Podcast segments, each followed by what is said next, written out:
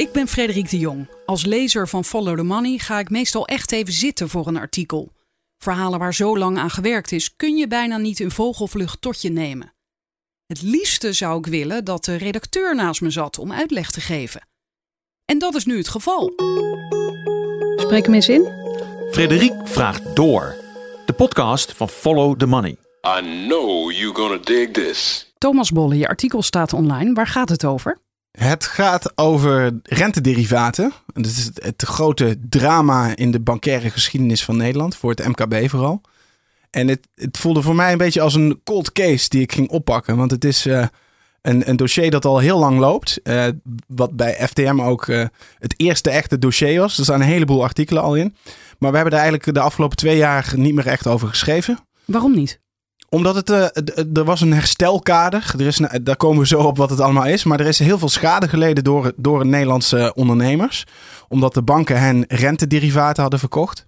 En ehm, toen is er een herstelkader uiteindelijk gekomen. En ehm, Herstelkader. ja, wat schadevergoeding. Ze kregen Ah, schadevergoeding van de banken. Alleen, eh, ja, dan is dat opgesteld. En dan, je weet hoe dat dan gaat. Dan verdwijnt de media-aandacht een beetje. Want denk je, dat wordt opgelost. En nu dacht ik, ik ga eens kijken hoe het eigenlijk eh, met, met het oplossen van al die problemen gaat. En met die schadevergoedingen. Zijn die nou echt uitbetaald? En is iedereen nu ook weer... eh, ja, eh, Blij. iedereen, is iedereen blij omdat ze een vergoeding hebben gehad voor de schade die ze hebben geleden. En waar begin je dan zo'n onderzoek? met eh, het hele dossier lezen. Want ik, ik wist zelf helemaal niet zoveel van wat is daar nou precies gebeurd, wat zijn alle details. En met mensen praten die er veel van af weten. En ik zit er inmiddels helemaal diep in. En het is echt wel, het is een hoop shit. Ja? Ja. En die derivaten, simpel gezegd, zijn dat producten waarvan bijna niemand wist wat het precies waren, toch? Ja, ja die zijn eh, grootschalig verkocht aan ondernemers. En die producten waren eigenlijk helemaal niet bedoeld voor ondernemers. En er zijn ehm, ja, in het herstelkader, dus de mensen die nu een vergoeding krijgen, zijn 19.000 Nederlandse ondernemers. En er zijn dus talloze eh, bedrijven ook echt failliet gegaan omdat ze gewoon dit niet meer konden dragen. Want er kwamen allemaal extra kosten bij. En ze zijn eigenlijk gewoon, ehm, ze, ze dachten iets te kopen en het bleek iets heel anders te zijn. En daardoor kwamen ze zware financiële problemen. Ik ga het lezen en dan kom ik zo bij je terug. De titel is De kredietcrisis van het MKB duurt voort. 3000 ondernemers wachten nog op definitieve schadevergoeding rentederivaten. Het Nederlandse MKB leed voor miljarden schade doordat banken hen hadden opgezadeld met renteswaps. Financiële producten met zorgvuldig verborgen gebreken. In 2016 werd een compensatieregeling afgesproken, maar ruim 3000 Rabo-klanten wachten nog altijd op een definitief aanbod.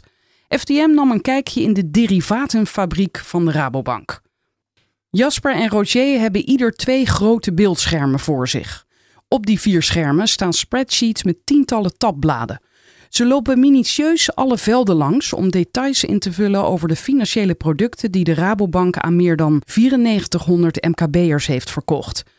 Jasper en Roger horen bij de 365 specialisten die bij de Rabobank aan de schadecompensatie voor het Nederlandse MKB werken.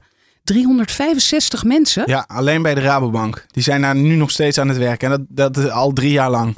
Ongelooflijk. En er staat hier, de Rabobank noemt dit Hilversumse regiokantoor hun derivatenfabriek. Maar jij mocht daar dus langskomen. Ja, ja ik ben langs geweest eh, bij de Rabobank. Ja. Dat is positief. Ja, het is, ook, het is ook een flinke operatie. Kijk, ik wil eh, alle kanten van het eh, verhaal ook laten zien.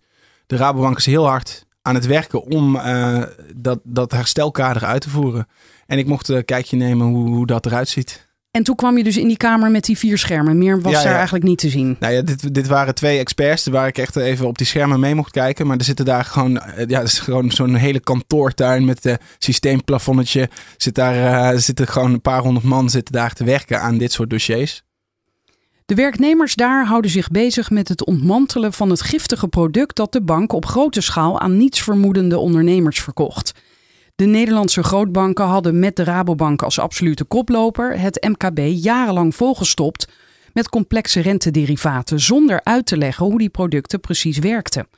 De banken zelf boekten prachtige winsten. Hun nietsvermoedende klanten leden miljarden schade. Financiële massavernietigingswapens, zo noemde meesterbelegger Warren Buffett derivaten in 2002. Hij had een vooruitziende blik. Deze financiële producten lieten in 2008 overal bankbalansen ontploffen en veroorzaakten daarmee een wereldwijde kredietcrisis. Hoe ging dat destijds toen Warren Buffett daarvoor waarschuwde? Niemand luisterde? Of? Nou, hij, hij noemde dat toen al van eh, dit zijn hele gevaarlijke producten. Want als je hier niet eh, deskundig mee omgaat, dan eh, blaas je balansen op en dan gaat het fout. Maar wat bedoelde hij met deskundig ermee omgaan? Dat je precies moet weten wat voor risico's je op de hals haalt. Want er zijn, hele er zijn allerlei risico's verborgen in die producten. Nou, en met de kredietcrisis hebben we dat gezien.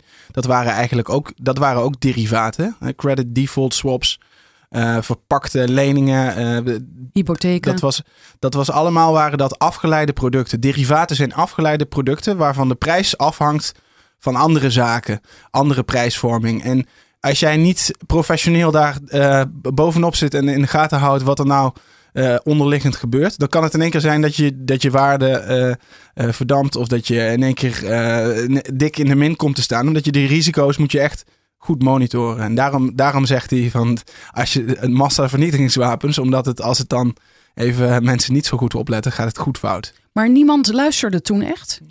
Ja, ik weet niet waar hij dat. Dat heeft hij een keer in zijn jaarverslag eh, eh, geschreven in 2002. Van nee, hier moeten we met z'n allen Ja. op letten. Ja, dan denkt, iedereen, ja, zinnetje, leuk, ja. leuk meneer Buffett, maar eh, wij gaan gewoon door met verkopen. Ja. In Nederland brachten derivaten niet alleen de banken tot de rand van de afgrond, ze hadden ook desastreuze gevolgen voor het midden- en kleinbedrijf. De totale omvang van schade voor het MKB wordt geschat op 4 tot 14 miljard euro. 19.000 tuinders, groothandels en winkeliers werden door de banken uitgeknepen, lagen krom om aan hun verplichtingen te voldoen of gingen failliet omdat ze de extra kosten niet konden dragen. De financiële kernkop die de banken bij het MKB hadden geparkeerd heette renteswap, een derivaat dat letterlijk renteruil betekent. Banken verkochten ze aan ondernemers die behoefte hadden aan voorspelbare financieringskosten en deden voorkomen alsof renteswaps geschikte producten waren om je rentelasten vast te zetten. Duizenden ondernemers, die vaak al jaren klant waren, volgden te goeder trouw het advies van hun bank op. In 2007 en 2008 gingen de renteswaps als warme broodjes over de toonbank. Accountmanagers hadden perverse prikkels om niet te vertellen dat een renteswap een zelfstandig contract is met een eigen waardeontwikkeling, dus los van de eigenlijke lening. Ze vertelden niet dat zo'n contract bij een dalende rente onder water komt te staan en dan dus een negatieve waarde heeft.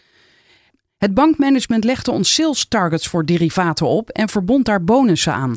Het ging soms zelfs zo ver dat voor goedkeuring van een nieuwe lening de afname van zo'n renteswap door de bank verplicht werd gesteld, vertelde een oud accountmanager van de Rabobank in december 2014 aan FTM. Daar kan ik op. Oh, En doorklikken. dan kom je bij dat, online bij dat eh, artikel van toen. Kijk, ik heb dat hele dossier doorgelezen. Ja. En dan, dit vond ik wel een, eh, een mooi verhaal. Waarin dus een oud verkoper.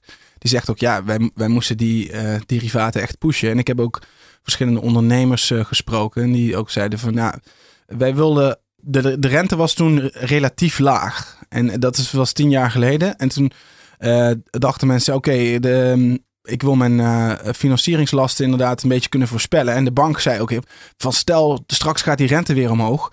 We hebben hier een nieuw product, want het was echt iets nieuws. En het, is, het werkt een beetje hetzelfde als een vaste, vaste rente. Dus dan weet je wat, wat je te wachten staat in de toekomst.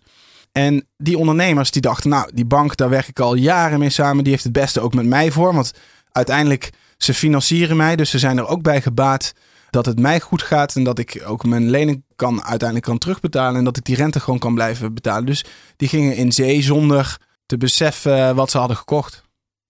Oh, ik ben nu wel online. Ik kan inderdaad doorklikken. Nu zie ik dat artikel uit 2014.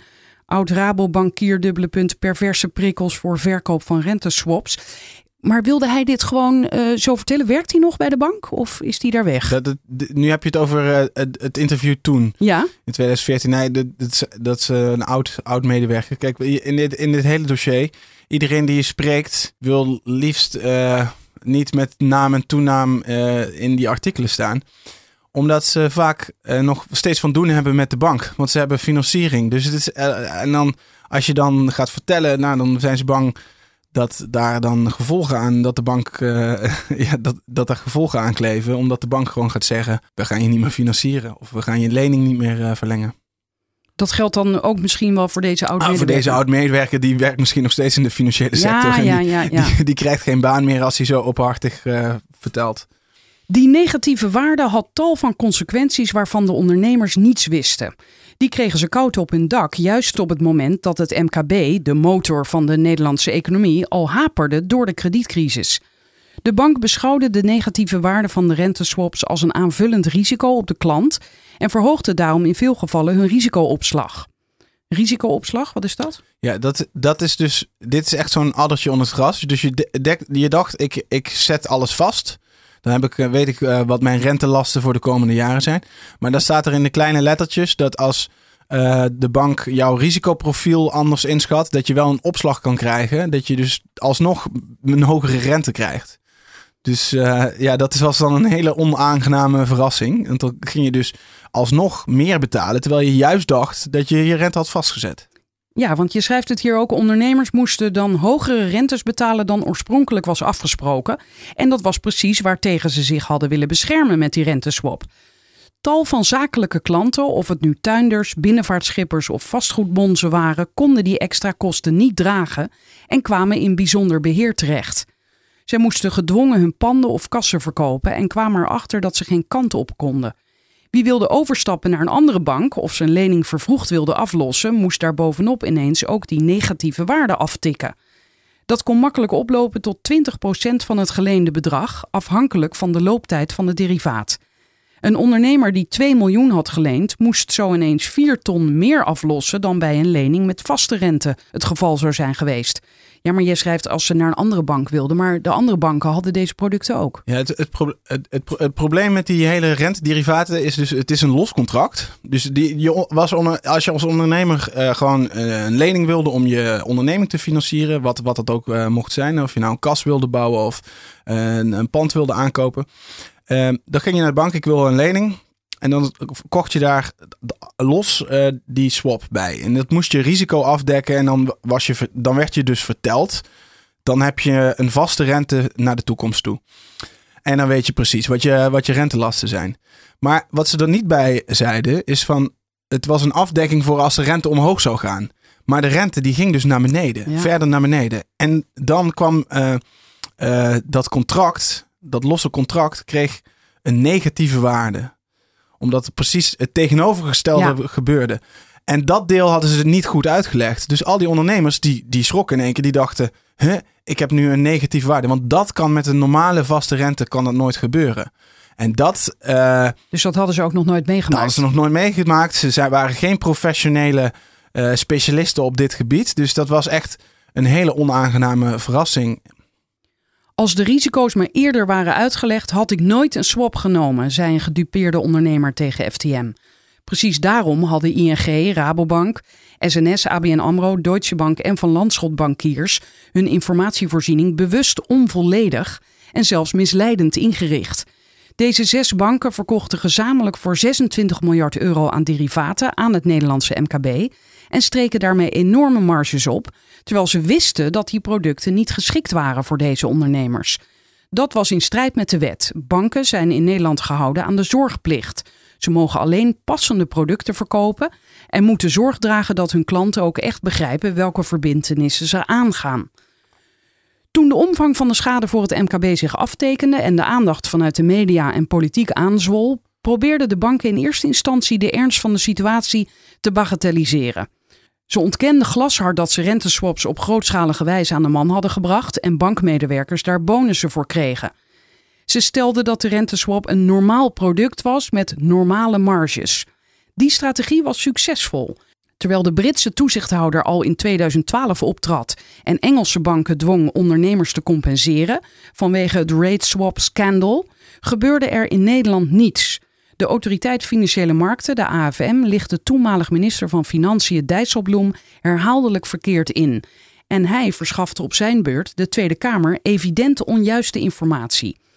Hij schreef dat de negatieve waarde van een rentederivaat geen rol speelt in de beoordeling van het risicoprofiel van de klant en dus niet van invloed is op de risicoopslag die aan de klant wordt doorberekend.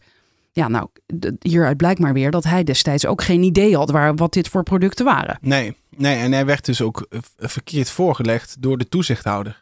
Ja, dat is een hele kwalijke ja, zaak, dat toch? is zeer kwalijk. Dat, eh, ja. En hier schrijf jij dat moest zijn opvolger Wopke Hoekstra vorig jaar rechtzetten op basis van voortschrijdend inzicht. Hoe is dat gegaan dan? Nou, er zijn vorig jaar weer eh, Kamervragen gesteld. Eh, door het CDA, eh, Pieter Omtzigt en eh, Erik Ronnes. Die hadden een vraag gesteld over de afhandeling, over de vertraging van het schadekader waar, waar, we zo op komen.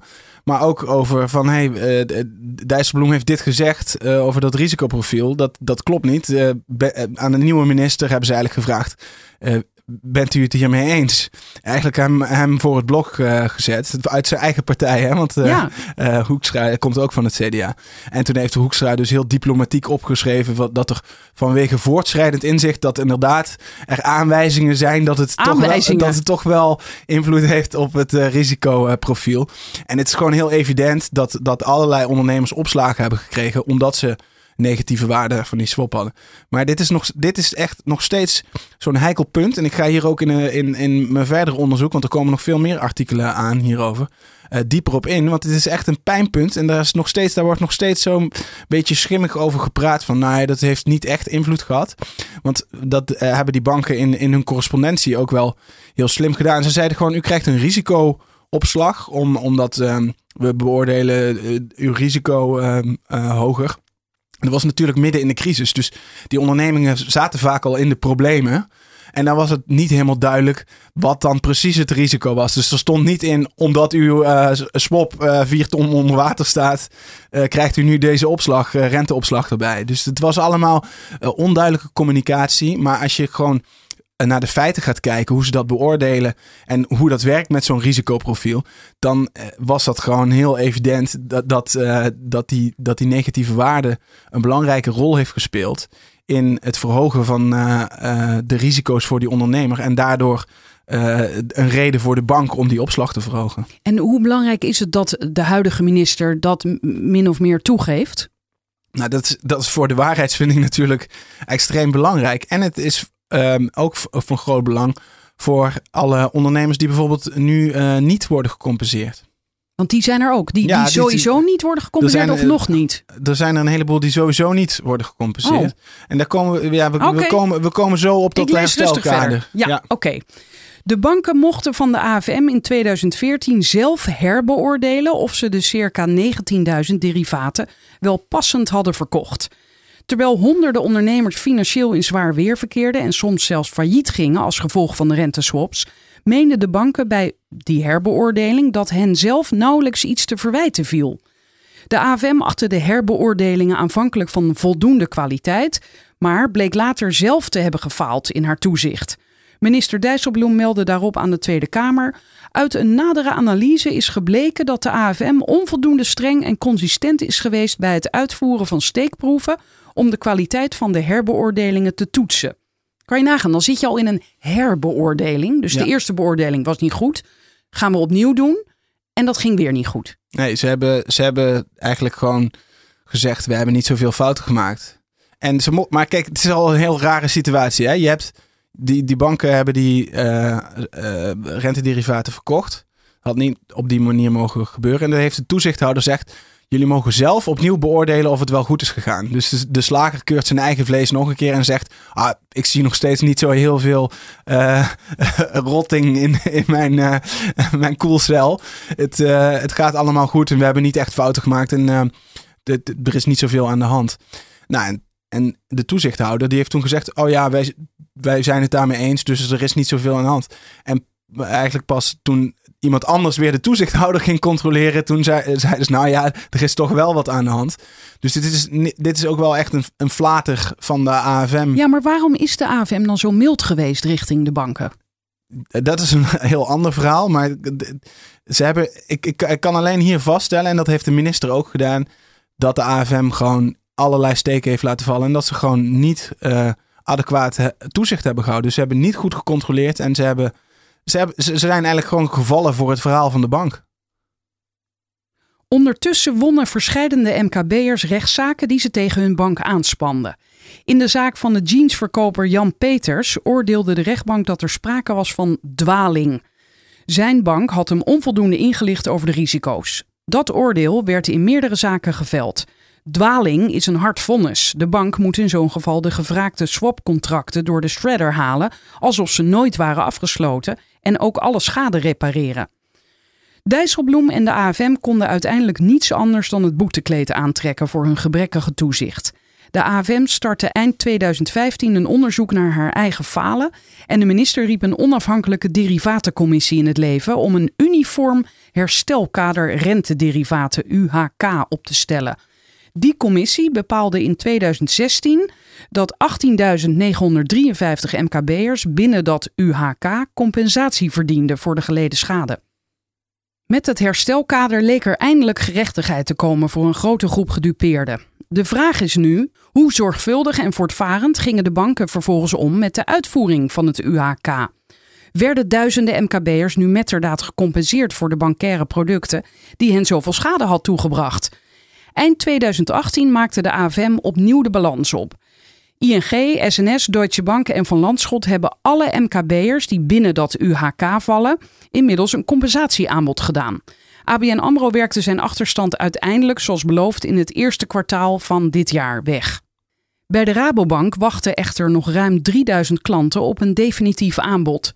Sinds januari is er geen nieuwe voortgang gemeld. Het lijkt erop dat er flink wat dossiers van de lopende band zijn gevallen in de derivatenfabriek van de Rabobank, zegt financieel expert Patrick van Gerwen, die ondernemers adviseert over de compensatieaanbiedingen van de banken. Pieter Leijsen, voorzitter van de stichting Renteswap Schadeclaim, beaamt dit. Hij zegt: Ik heb van de Rabobank tussen 21 december en 11 april geen nieuwe brieven gezien. Pas vorige week hebben wij weer aanbiedingen ontvangen. Van Gerwe heeft forse kritiek op de kwaliteit van de voorstellen. De aanbiedingsbrieven die de Rabobank in 2018 verstuurde zijn ondermaats, veel slechter dan van de andere grootbanken. Hij vindt dat de Rabobank ernstig tekortschiet in het onderbouwen van de aangeboden compensatie. Hoe kunnen klanten het aanbod controleren als onderliggende cijfers en berekeningen ontbreken? Oké, dus deze man is niet alleen kritisch over het feit dat het nog niet is afgerond bij de Rabobank, maar de voorstellen die worden gedaan zijn ondermaats. Ja, ja, dit zijn, uh, ik heb een flink aantal uh, adviseurs gesproken. Die, die staan eigenlijk de, de MKB'ers bij. En die adviseren ze over het aanbod. Want ze krijgen nu een aanbod van dit is je compensatie. Maar als je dat aanbod accepteert, dan kan je ook daarna geen rechtszaak meer beginnen. Dan, dan geef je de bank finale kwijting voor al het andere. Dus het is eigenlijk wel, het is wel van belang dat je weet wat je accepteert en waar je dan ook nee tegen zegt. Want um, ja, je kan er niet daarna dan bedenken van ik had eigenlijk veel meer moeten krijgen. En, um, ja, dus eigenlijk moet je oppassen waar je ja tegen ja, zegt. Ja, je moet oppassen waar je ja tegen maar zegt. Maar valt er iets te zeggen in het algemeen over eh, die aanbiedingen? Nou, die, die aanbiedingen, deze adviseurs, die um, en de, ze, ze, kijken er ook verschillend uh, naar. Maar een aantal zeggen, uh, Van Gerwe is daar één van, die zegt de brieven van de, van de Rabobank, die zijn echt ondermaats vergeleken met die van de andere banken. Dus andere banken die onderbouwen precies van dit is het aanbod, zo zijn we hier toe gekomen, dit is wat je gekocht had, zo is de waardeontwikkeling geweest, uh, dit is de, uh, gewoon alle financiële details. Die staan daarin uitgelegd en dan kan je precies nagaan hoe ze tot dat aanbod zijn gekomen.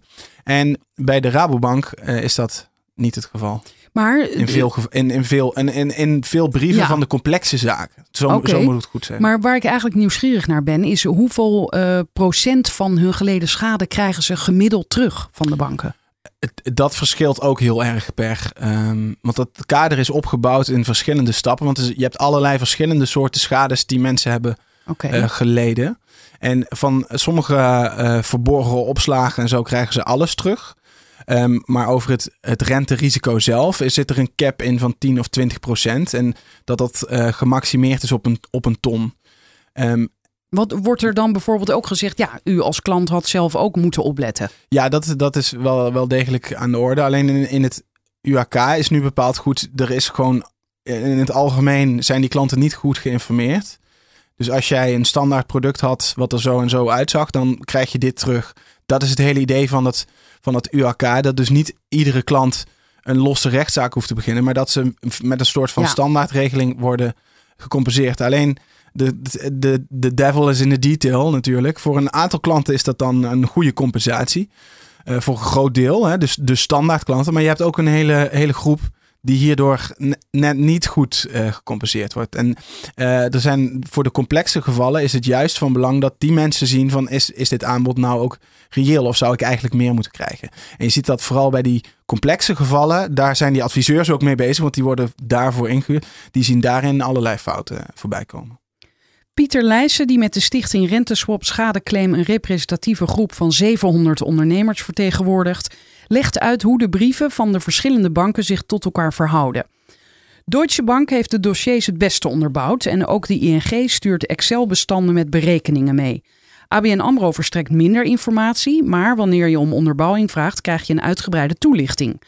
Bij de Rabobank moet je uit grafieken aflezen op welke datum een opslagverhoging is doorgevoerd of wat exact het bedrag van een overhedge is. Dat zorgt voor onduidelijkheid. Wacht even, ik kan even doorklikken op die overhedge.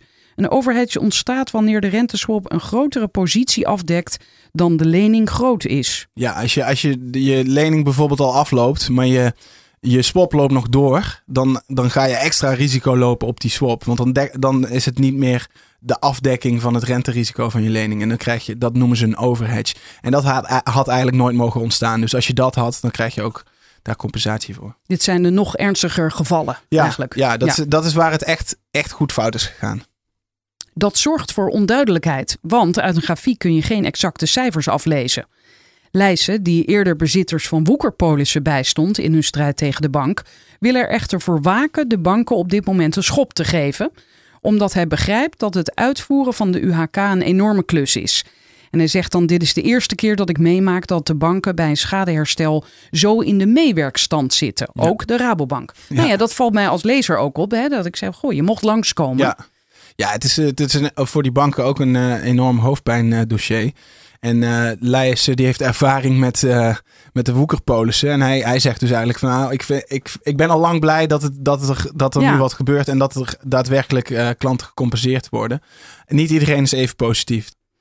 Follow the Money ging op bezoek bij de Hilversumse derivatenfabriek om te achterhalen hoe de Rabobank vordert met de 3000 dossiers waarin nog geen definitieve aanbiedingsbrief is verstuurd. Laurent of Laurent? Laurent. Laurent van den Nauwland, eindverantwoordelijk voor het UHK bij de Rabobank, beschrijft de omvang van de operatie. Hij zegt op het hoogtepunt werkten we hier met 400 mensen aan het UHK, plus 100 mensen bij de lokale Rabobanken en 200 accountants van Deloitte die de dossiers controleerden. Momenteel zijn er in Hilversum nog 365 eigen mensen en 150 externe dossierbeoordelaars van Deloitte actief. Desondanks lukte het de Rabobank maar niet om dat UHK tijdig af te ronden. Van de Nauwland zegt de complexiteit van het geheel is eigenlijk van meet af aan door iedereen onderschat. Toen ik werd gevraagd voor het UHK kreeg ik te horen: misschien kun je dit binnen een half jaar afronden. We zijn nu drie jaar verder en nog steeds bezig. Hij wijst voorts op de onduidelijkheden in het UHK zelf. In 2017 zijn er nog allerlei vragen beantwoord door de commissie en dat was nodig om het kader uit te kunnen voeren. Ja, ja want het is omdat er dus zoveel verschillende soorten uh, derivaten zijn verkocht en met allerlei constructies en waar het niet goed matchte met de leningen die werden verstrekt. Er kwamen natuurlijk allemaal hele specifieke vragen. En daar en dan oh, daar zijn weer QA-sessies over gehouden. Dan konden de banken weer met de uh, derivatencommissie uh, in gesprek. En daar is dus. Het kader was 50 pagina's, zoiets. Uh, en uiteindelijk kwam het 260 pagina's uit. Omdat er nog 200, meer dan 200 pagina's met QA, nadere toelichting werden vastgeplakt. Dus hij draagt dat aan als reden waarom het zo lang heeft geduurd. Dit lijkt me een enorme kostbare operatie voor de banken. Is daar inmiddels van bekend hoeveel dat in totaal al heeft gekost? Ja, het is inderdaad, als je alleen al kijkt hoeveel mensen daar bij de Rabobank bezig zijn. Nou, bij de ABN zat een vergelijkbaar team, die zijn nu net klaar. Bij die andere banken was het wat kleiner, want die hebben minder swaps verkocht. Maar al die dossiers van de Rabobank, die worden dus ook nog dan uh, gecontroleerd door Deloitte in dit geval. Dus die kijkt of de Rabobank een goed voorstel heeft gedaan. En dan gaat het pas naar de, naar de klant de, ja, de, de, de benadeelde, de gedupeerde. Maar dat is ook een van de kritiekpunten eigenlijk van uh, een aantal van die uh, adviseurs van het MKB. Die zeggen ja, dat herstelkader is vooral een herstelkader voor de banken. Want de, kost, de kosten eh, om dit op te lossen, dat is eigenlijk meer geld dan wat er is uitgekeerd nu aan die MKB'ers. Dus er is ongeveer 800 miljoen uitgegeven aan het oplossen bij al die banken samen. Waarvan... Uh, nou, 40% naar die accountants is gegaan. Dus de, de, banken zijn er druk mee bezig. De accountants hebben er, kunnen er weer mooie rekening voor schrijven. Maar uiteindelijk is er een 700 miljoen of zo rond die koers uh, nu uitbetaald. De, ik geloof 650 miljoen door de Rabobank, iets meer. Dus. Maar de verhouding is ongeveer 50-50 aan wat de kosten zijn en wat, er, uh, wat die MKB'ers in totaal hebben uitgekeerd gekregen. Maar de, de, de, winsten die de banken er ooit mee binnenhaalden, ja. ik bedoel, staan ze nog wel in de plus? Ja, of, ze staan nog steeds in de plus. Dus dat is ook het, het kreur eraan. De, de, de, de, critici die zeggen, goh, dit is echt een lachertje. Er is... Uh, de banken hebben enorme winsten opgestreken. Nu is er een, een, een, een doekje voor het bloeden uh, gegeven aan de MKB'ers. En hebben die banken vooral eh, houden ze zichzelf en hun accountants aan het werk. Want van de 2 miljard die is gereserveerd in totaal, is dus al is 800 miljoen gewoon interne kosten. Nou, dat, kan je al zien, er is maximaal 60% blijft er over voor de gedupeerden. De Rabobank had met 9400 dossiers aanzienlijk meer werk te verzetten dan de andere banken. De bank koos er daarom voor om een geautomatiseerde standaardstraat voor de eenvoudige derivaten in te richten en een maatwerkstraat voor de complexe dossiers. Van den Nauwland zegt: in die dossiers moet je echt samenwerken met de accountant om tot een aanbod te komen.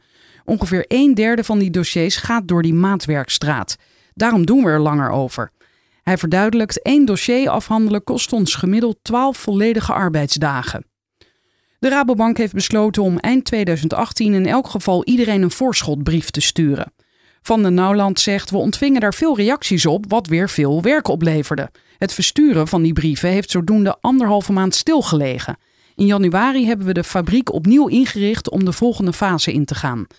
Volgens hem zijn er sinds eind februari 345 definitieve aanbiedingsbrieven verstuurd. In september van dit jaar moeten alle brieven verstuurd zijn. Inmiddels heeft de Rabobank ruim 620 miljoen van de gereserveerde 750 miljoen euro uitgekeerd. Ja, dat zei je staat, net. Ja, ja. ik zei net 650, maar het is dus 620. Ja. Pieter Leijsen van Renteswap Schadeclaim zegt over die aanbiedingen: ruim de helft van de ondernemers heeft een standaard derivaat en daarbij heb ik nog nooit een fout in de aanbieding ontdekt. Die groep hoeft echt geen accountant of adviseur in te schakelen. Voor je het weet hebben ze 3000 euro uitgegeven aan een rapport dat ze helemaal niet nodig hebben. Over de hele linie ontdekte Leijsen fouten in 3 tot 4 procent van de dossiers die hij te zien krijgt. Bij gecompliceerde zaken, zoals ondernemers met meerdere leningen en verschillende, de zaakjes exotische derivatencontracten, kan het lonen je te laten adviseren. Frank Wijn, die MKB'ers juist bij dit soort complexe gevallen adviseert, ziet in 20% van de aanbiedingsbrieven die hij onder ogen krijgt tekortkomingen, in het nadeel van de klant. En hij zegt daarover dat is het percentage waarbij de bank onze bezwaarschriften meteen honoreert. Daarbovenop zijn er nog allerlei lopende bezwaarprocedures. Wacht even, dat snap ik niet. Het percentage. Uh, oh, die tekortkomingen. Ja, waarvan de bank dan ook zegt: ja, je hebt gelijk. Aha. Wij honoreren ja. dit bezwaar. Leijsen heeft niet de indruk dat de aanbiedingen van de Rabobank vaker onjuist zijn dan die van de overige banken. Wel vindt hij het opmerkelijk dat de AFM de methode van de Rabobank om alleen een grafiek op te nemen heeft goedgekeurd. Van Gerwe en Wijn hebben ernstiger kritiek op de Rabobank. Zij vinden het grote aantal aannames in de brieven onacceptabel. Wijn laat een geanonimiseerde brief zien die de bank aan een van zijn cliënten stuurde. Daarin staat liefst 15 keer bij gebrek aan brondata wordt aangenomen dat, puntje, puntje, puntje, en Wijn zegt daarover: In het UHK staat dat de bank aannames moet doen wanneer ze onderliggende stukken niet meer heeft. Dus officieel houdt de Rabobank zich aan de regels. Maar dit is natuurlijk heel wat anders dan het ontbreken van één of twee datapunten. Hoe kan een klant in hemelsnaam een aanbod controleren wanneer hij niet over de onderliggende stukken beschikt? Het tweede grote kritiekpunt jegens de Rabobank: het ontbreken van de berekeningen die aan het aanbod ten grondslag liggen en de weigering om die te verstrekken. Van Gerwen laat geanonimiseerde mailwisselingen zien waaruit blijkt dat de Rabobank geen inzage wenst te verschaffen in hun rekenmodellen. Van Gerwen zegt erover waarom kunnen de andere banken hun berekeningen wel met ons delen en de Rabobank niet. Van den Nauwland geeft toe dat de Rabobank aannames maakt, maar benadrukt dat daarbij altijd in het voordeel van de klant wordt gehandeld. De aannames staan uitgelegd in de brieven. Over de onderliggende berekeningen is hij duidelijk. Die deelt de Rabobank niet met klanten. Hij ziet niet in waarvoor klanten die berekeningen nodig zouden hebben. Het idee van het UHK is juist dat de klant een aanbod krijgt dat klopt. De berekening wordt voor 100% gecontroleerd door accountants. Wij hebben een complexe rekenmachine gebouwd en Deloitte heeft haar eigen rekenmachine om alles te controleren. Daarbovenop voert de AFM nog deelcontroles uit.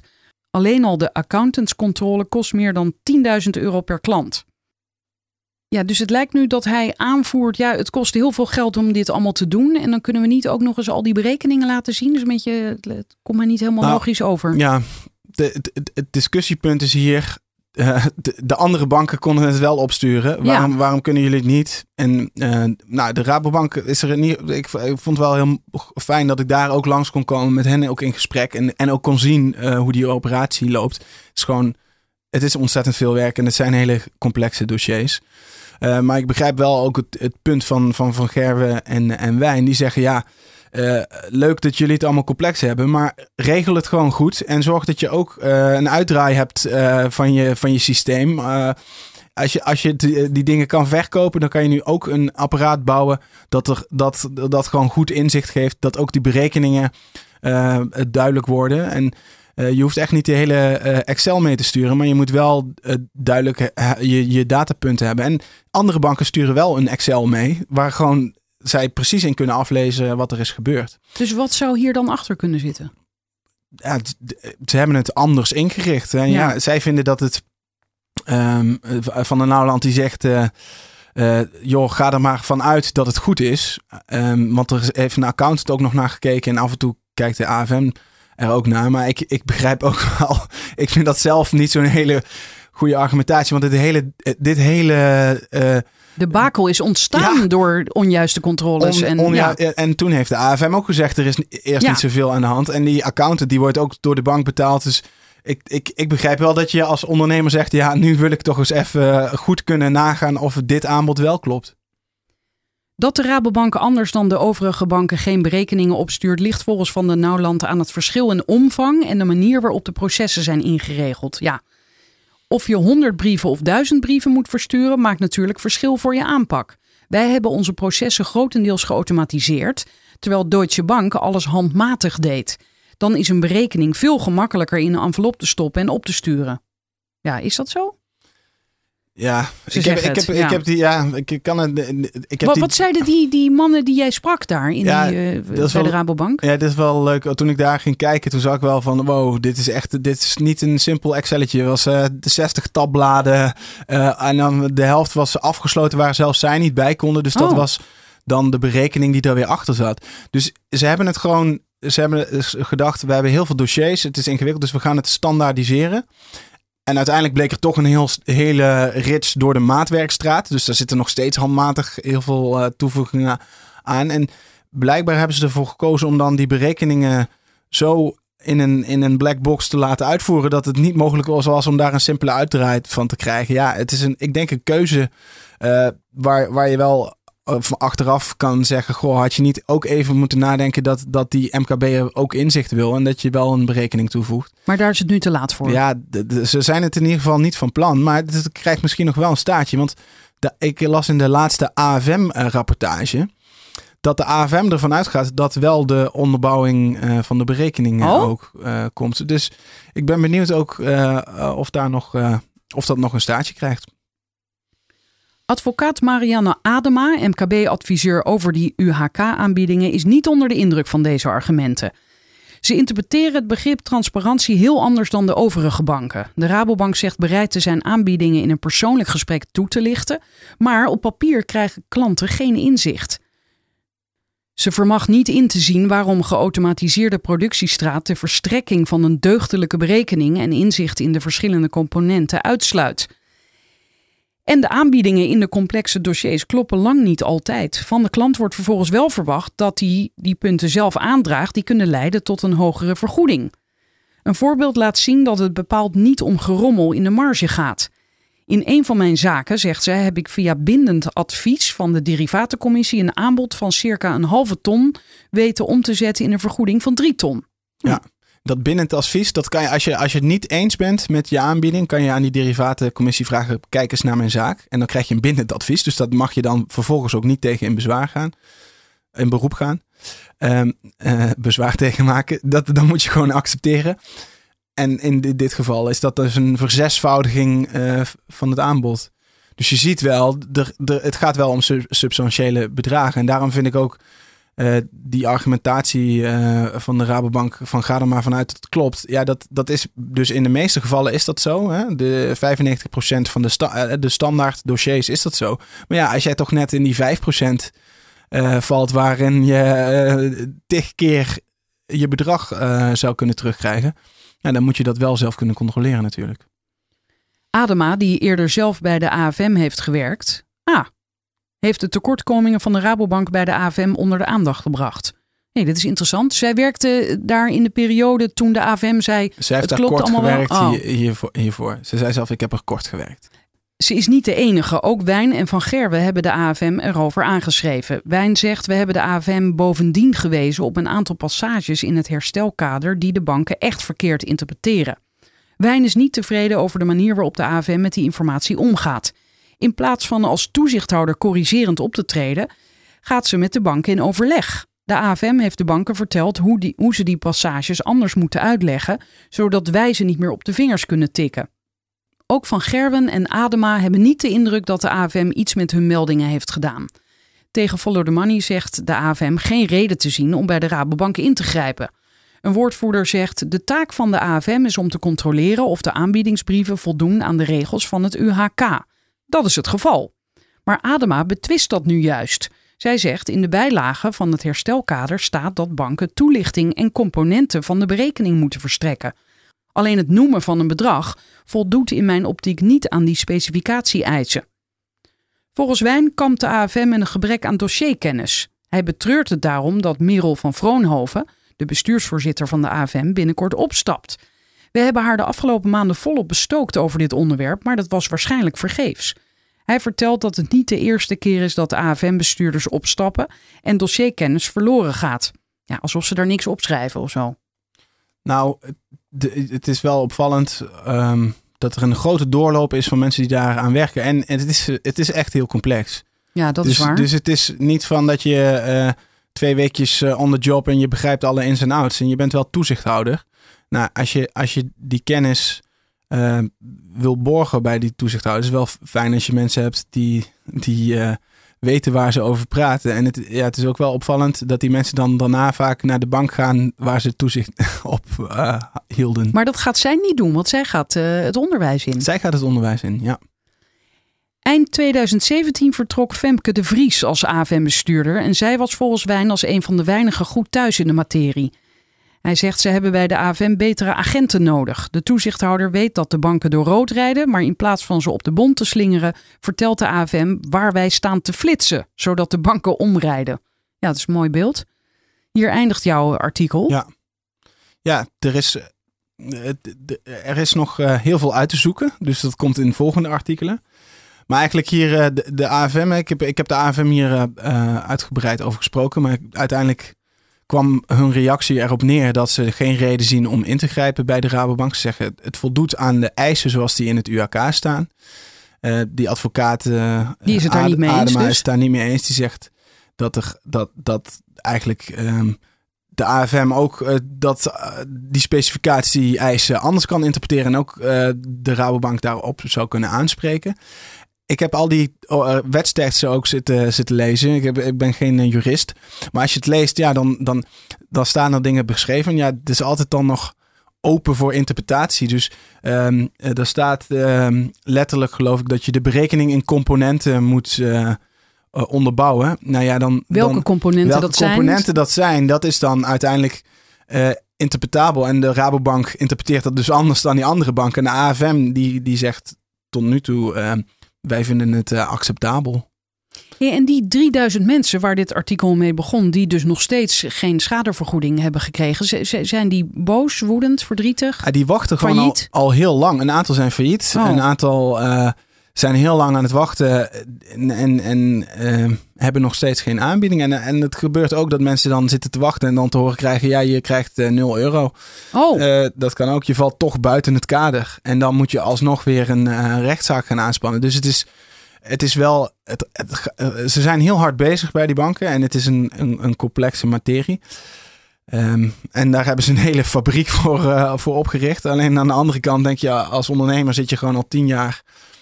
Um, nou, niet, de, de schade werd pas later bekend, maar zit je gewoon echt al jarenlang te wachten. En in 2016 kwam de boodschap, nu komt er herstel. En drie jaar later kan het zijn dat je nog steeds geen, uh, geen brief hebt gehad. Wat en... wel zo is, dat de, de Rabo die heeft dus de voorschotten dan nu uitbetaald. Of uh, in ieder geval die voorschotsbrieven gestuurd. Dus dat, dat in ieder geval wel dat iets versneld wordt. Alleen ja, eerder zeiden ze het is, uh, het is in 2017 klaar, het is in 2018 klaar en nu is het dus september 2019. Dus die datum wordt wel uh, telkens uh, vooruitgeschoven. En die ondernemer die je nu als voorbeeld noemt, soms krijgen mensen 0 euro. want je zei eerder ook, ja, er zijn ondernemers die helemaal niks krijgen. Precies. Ja, en die, daar ga ik in het volgende stuk verder op in. Want daar, daar ben ik uh, nu op een instrument. Gaat niet alleen daar om ondernemers. Want wat is er?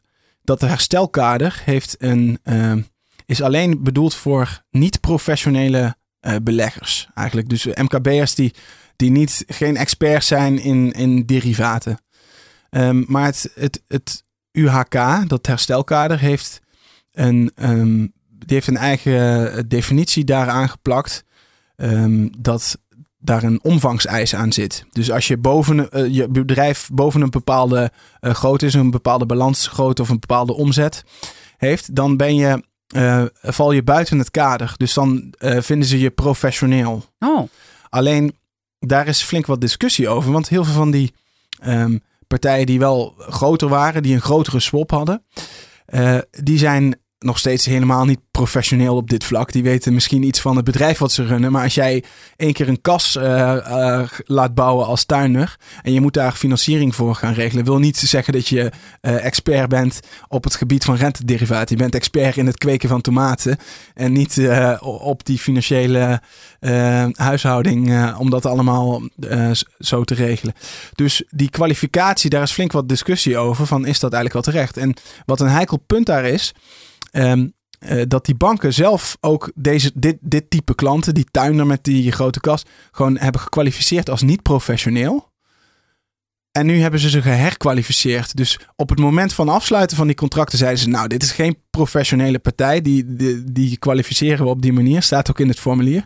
Maar toen bleek dat er uh, schadevergoeding moest, uh, betaald moest worden. Hebben ze gezegd: Nou, nu plaatsen we je toch in de categorie professioneel. Want, want het UAK stelt deze omvangseis. Dus daar is. En daar, kregen ze dan een brief over of zo? Nee, dat, dat zijn gewoon geherkwalificeerd, ja. En maar dus, moesten ze zelf achterkomen toen ze dus een ja, beroep ja, wilden doen? Ja, daar, daar komen ze dan zelf daarna later achter. Dus en, later jij kent ben je een paar van die uh, Ja, mensen? daar ben ik nu, nu bij op, op bezoek geweest. En ik ga nog bij uh, partijen op bezoek. En wat het ook, dit zijn niet alleen maar die ondernemers. Want uh, ook universiteiten, zorginstellingen hebben ook uh, deze producten gekregen. Dat zijn grotere partijen, dus die vallen allemaal buiten dat UAK. Dus die krijgen geen schadecompensatie. Dat is eh, ook wel heel interessant, want dat is dus allemaal geld wat eigenlijk aan onderwijs en zorg besteed had moeten worden. En dat is nu naar uh, de bank gevloeid. Dus ik ben daar ook aan het kijken van wat speelt daar nog meer en over wat, wat voor bedragen gaat het daar. En moet daar niet nog iets anders gebeuren? Want is dat herstelkader nu eigenlijk wel voldoende om alle geleden schade te herstellen? Of zou de politiek hier in actie moeten komen om, om alle uh, gedupeerden die niet binnen het URK vallen en al die semi-publieke instellingen um, ook nog te gaan compenseren? Dus ik denk dat het wel uh, zeker nog eens um, een mooi vervolg uh, uit kan komen. Ja, het is leuk dat je erbij lacht, want je zei in het begin al, ik zit er nu helemaal in, maar het lijkt ook alsof je ervan geniet. Ja, het is een heel interessant dossier. Het is, ik zei al, een soort van cold case, omdat het, het is al oud uh, oud, oud, dossier, oud nieuws. Uh, we weten dat die schade is geleden. Maar nu blijkt dat er nog gewoon heel veel. Uh, ja, het is een beetje weer weggezakt. Maar dat betekent niet dat alles nu is opgelost. En er, volgens mij komt er nog heel veel rotzooi naar boven. Dankjewel. Graag gedaan. Wil je weten wanneer een nieuwe aflevering online staat? Schrijf je in voor mijn nieuwsbrief. Die vind je bij ftm.nl/slash Frederiek.